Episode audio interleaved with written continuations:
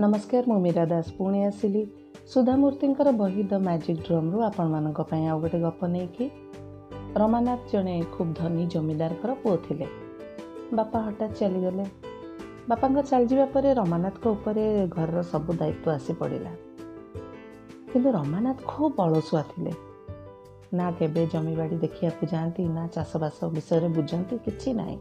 ସବୁବେଳେ ଗାଁ ସାରା ଖାଲି ବୁଲୁଥିବେ। ଆଉ ଲୋକ ତାଙ୍କୁ ଠକିକିରି ପଇସା ନେଉଥିବେ। ସିଏ ସବୁବେଳେ ଗୋଟେ ସନ୍ଧାନରେ ଥିଲେ ଯେ ତାଙ୍କୁ ଗୋଟେ କୁହୁକ ମନ୍ତ୍ର ମିଳିଗଲେ ସେ ତା ଦ୍ୱାରା ଯାହା ଛୁଇଁବେ ସିଏ ଗୋଟେ ସୁନାକୁ ପାଲଟିଯିବ।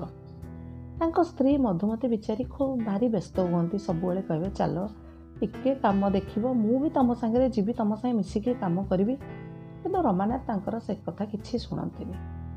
ଦିନେ ପାଖ ଗାଁକୁ ଜଣେ ଦିବ୍ୟ ସାଧୁ ଆସିଲେ। ତାଙ୍କ ନାଁ ମହିପତି।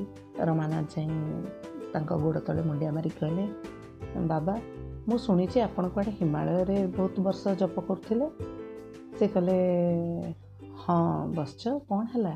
ତୁମର କିଛି ସମସ୍ୟା ଅଛି? ରମାନାଥ କହିଲେ ହଁ ମୁଁ ଶୁଣିଛି ଯେ ହିମାଳୟରେ ଯେଉଁମାନେ ତପ କରିକି ଆସନ୍ତି ସେମାନେ କୁଆଡ଼େ ଗୋଟେ କୁହୁକ ମନ୍ତ୍ର ଜାଣିଥାନ୍ତି ଯାହାଦ୍ୱାରା ସେମାନେ ପାଣିକୁ ମନ୍ତ୍ରେଇ ଦେଲେ ସେ ପାଣିଟି ମୁଁ ଯାହା ଉପରେ ଛିଞ୍ଚିଦେବି ସେଇଟା ସୁନା ହେଇଯିବ। ସାଧୁ ଜଣିକ ଟିକେ ହସିଲେ ଆଉ କହିଲେ ହଁ ମୁଁ ଜାଣିଛି। ଓଃ ରମାନାଥ କି ଖୁସି ଯାହା ହଉ ଏତେ ଦିନକେ ଯାହା ପାଇଲି ସାଧୁଙ୍କୁ। କହିଲେ ବାବା ଆଉ କେମିତି ହେବ ସେଇଟା ମୋ ପାଇଁ ଟିକେ କରିଦିଅନ୍ତୁ। ସାଧୁ କହିଲେ ଶୁଣ ମୁଁ ତୁମକୁ କହୁଛି କେମିତି ହେଇପାରିବ। କଦଳୀ ଗଛର ପତ୍ର ଉପରେ ଯେତେବେଳେ ଶୀତ ଦିନରେ କୁହୁଡ଼ି ଜମା ହେବ ସେଇ କୁହୁଡ଼ିକୁ ତୁମେ ପୋଛିକିରି ଗୋଟିଏ ବୋତଲରେ ଏକାଠି କରିକି ରଖିବ। ଆଉ ସେଇ ପାଣିକୁ ମୋ ପାଖକୁ ନେଇକି ଆସିବ ମୁଁ ତାକୁ ମନ୍ତ୍ରେଇ ଦେବି। ସେଇ ପାଣି ତ ଯାହା ଉପରେ ତୁମେ ଛିଞ୍ଚିଦେବ ସବୁ ଜିନିଷ ସୁନା ହେଇଯିବ। ରମାନାଥ ଭାରି ଖୁସି ହେଇଗଲା। ଯିବାକୁ ବସିଲା। ବାବା କହିଲେ ଟିକେ ରୁହ ମୋ କଥାଟା ପୁରା ଶୁଣିକି ଯାଅ। ସେ ପାଣି ଯେଉଁଦିନ ପାଞ୍ଚ ଲିଟର ହେବ ତାପରେ ଯାଇ ମୋ ପାଖକୁ ଆଣିବ। ରମାନାଥ କହିଲା ପାଞ୍ଚ ଲିଟର? ଗୋଟେ ପତ୍ର ଉପରେ କୁହୁଡ଼ି କେତେ ପଡ଼ିବ ଯେ ମୁଁ ତାକୁ ଏକାଠି କରିକି ପାଞ୍ଚ ଲିଟର ହେବ? ତାହେଲେ ତ ପ୍ରଭୁ ଇଏ କେତେ ବର୍ଷ ଲାଗିଯିବ ବାବା କହିଲେ ହଁ ଆଉ କାହିଁକି ତୁମ ପାଖରେ ତ ଏତେ ଜମି ପଡ଼ିଛି ତୁମେ ଗୋଟିଏ କାହିଁକି? ତୁମେ ହଜାର ହଜାର କଦଳୀ ଗଛ ଲଗାଅ। ଆଉ ସେ କଦଳୀ ଗଛ ଉପରେ ଯେତେ କୁହୁଡ଼ି ଜମା ହେବ ତାକୁ ଏକାଠି କରି ମୋ ପାଖକୁ ଆଣିବ। କିନ୍ତୁ ଗୋଟେ କଥା ମନେ ରଖ ସେ କଦଳୀ ଗଛ ତୁମେ ନିଜେ ଲଗେଇବ ଆଉ ସେ କଦଳୀ ଗଛର ଯତ୍ନ ମଧ୍ୟ ତୁମେ ନିଜେ ହିଁ ନେବ। ରମାନାଥ କହିଲା ଠିକ୍ ଅଛି କହି ଦୌଡ଼ିକି ଘରକୁ ଗଲା। ମଧୁମତୀକୁ ଡାକିଲା କହିଲା ଶୁଣ ଶୁଣ ଚାଲ ଏଥରକ ଆମେ ପୁରା ମୋର ଯେତେ ଜମି ପଡ଼ିଛି ସବୁରେ ଆମେ କଦଳୀ ଗଛ ଲଗେଇବା କଦଳୀ ଚାଷ କରିବା। ମଧୁମତୀ ବଡ଼ ଖୁସି ହେଇଗଲେ କହିଲେ ଚାଲ ସ୍ୱାମୀ ସ୍ତ୍ରୀ ଦୁଇ ଜଣ ମିଶିକିରି ହଜାର ହଜାର ସଂଖ୍ୟାରେ କଦଳୀ ଗଛ ଲଗେଇଲେ। ରମାନାଥ ବଡ଼ ଯତ୍ନର ସହିତ ତାକୁ ପାଣି ଦେବେ ଚାଷ କରିବେ ସେଠି ସାର ଦେବେ ସବୁଦିନ କଦଳୀ ଗଛର ଦେଖାରେଖା କରନ୍ତି। ଦୁଇ ମାସ ପରେ ଶୀତ ଦିନ ଆସିଲା। ସବୁ କଦଳୀ ଗଛ ପତ୍ର ଉପରେ ଯେମିତି କୁହୁଡ଼ି ଜମା ହେଲା ରମାନାଥ ଗୋଟେ ବୋତଲ ଆଣି ସବୁ କୁହୁଡ଼ିକୁ ସାଇତିକିରି ତା ଦେହରେ ଏକାଠି କଲେ। ଏମିତି ଦୁଇ ବର୍ଷ ତିନି ବର୍ଷ ପରେ ସେ କୁହୁଡ଼ି ପାଣି ଜମା ହେଇ ହେଇକିରି ପାଞ୍ଚ ଲିଟର ହେଇଛି। ଯେମିତି ପାଞ୍ଚ ଲିଟର ହେଇଛି ରମାନାଥ ବୋତଲଟି ଧରିକି ଦୌଡ଼ିଲେ ବାବାଙ୍କ ପାଖକୁ। ଯାଇ ପହଞ୍ଚି କହିଲେ ପ୍ରଭୁ ଏଇ ନିଅନ୍ତୁ।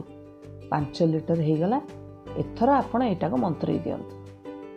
ସାଧୁ ଖୁସି ହେଇଗଲେ କହିଲେ ହଉ ରଖ ବୋତଲଟି କହିକି ଓମ୍ ହିଂ କ୍ଲିଂ ପ୍ରିଂ ସ୍ୱାହା କରିକି କଛି ମନ୍ତ୍ର ଗୋଟେ କହିଦେଲେ କହିକି କହିଲେ ନିଅ ପାଣି ନିଅ ଏଥର ଦେଖ ରମାନାଥ ବଡ଼ ଖୁସିର ସହିତ ପାଣି ବୋତଲଟିକୁ ନେଲେ ଆଉ ସେଥିରୁ କିଛି ପାଣି ଆଣିକିରି ଏମିତି ଛିଞ୍ଚି ଦେଲେ କାଇଁ?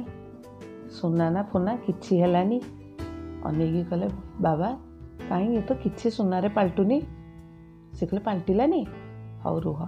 କହି ମଧୁମତୀଙ୍କୁ ଡକେଇଲେ କହିଲେ ମଧୁମତୀ ତମେ ଯେଉଁ ବଡ଼ ବାକ୍ସଟି ଘରେ ରଖିଛ ତାକୁ ଧରିକି ସାଙ୍ଗରେ ଆସ ମଧୁମତୀ ସାଙ୍ଗରେ ଗୋଟେ ଏତେ ବଡ଼ ସନ୍ଦୁକ ଧରିକି ଆସି ପହଞ୍ଚିଲେ ବାବାଙ୍କ ସାମ୍ନାରେ ତାକୁ ଖୋଲିଦେଲା ବେଳକୁ ତା ଭିତରେ ଖାଲି ସୁନା ମୋହର ଭର୍ତ୍ତି ରମାନା ଦେଖି ଆଶ୍ଚର୍ଯ୍ୟ କଲି ଏତେ ସୁନା ମୋହର କେଉଁଠୁ ଆସିଲା ମଧୁମତୀ କହିଲେ ତମେ ଯେଉଁ ବର୍ଷ ବର୍ଷ ଧରି କଦଳୀ ଚାଷ କଲ ତମେ ତ କୁହୁଡ଼ି ଏକାଠି କରିବାରେ ତମ ମନ ଥିଲା। କିନ୍ତୁ ମୁଁ ସେତିକ କଦଳୀ ସବୁ ନେଇ ତାକୁ ବିକି ଏତିକି ପଇସା ଏକାଠି କରିକି ରଖିଛି। ସାଧୁ ସେଠ ରମାନାଥକୁ ଅନେଇକି କହିଲେ ଏଥର ବୁଝିଲ ତ? ଅସଲ ରୂପରେ ସୁନା କ'ଣ ପାଇଁ ପାଲଟିଛି? ତମର ପରିଶ୍ରମ ପାଇଁକି ତମେ ଆଜି ଏତିକି ସୁନା ପାଇପାରିଛ? ଏମିତି କୌଣସି ଦୁନିଆରେ କୁହୁକ ମନ୍ତ୍ର ନାହିଁ ଯାହାଦ୍ୱାରା ଯାହା ଛୁଇଁଦେବ ସେଇଟା ସୁନା ହେଇଯିବ। ଆଜିଠୁ ଯାଅ ମନ ଦେଇକି ଚାଷବାସ କାମ କର ଏତିକି ଶୁଣିକି ରମାନାଥ ତା ଭୁଲ ବୁଝିପାରିଲା ବାବାଙ୍କୁ ମୁଣ୍ଡିଆ ମାରି ସେ ସ୍ୱାମୀ ସ୍ତ୍ରୀ ଦୁଇ ଜଣ ଘରକୁ ଗଲେ ତ ଆଜି ପାଇଁ ଗପଟି ଏତିକି ପୁଣି ମୁଁ ଆସିବି କାଲି ଆପଣମାନଙ୍କ ପାଇଁ ଆଉ ଗୋଟେ ଗପ ନେଇକି ଟିଲ୍ ଦେନ୍ ମୀରା ଦାସ ଠୁ ବାଏ ବାଏ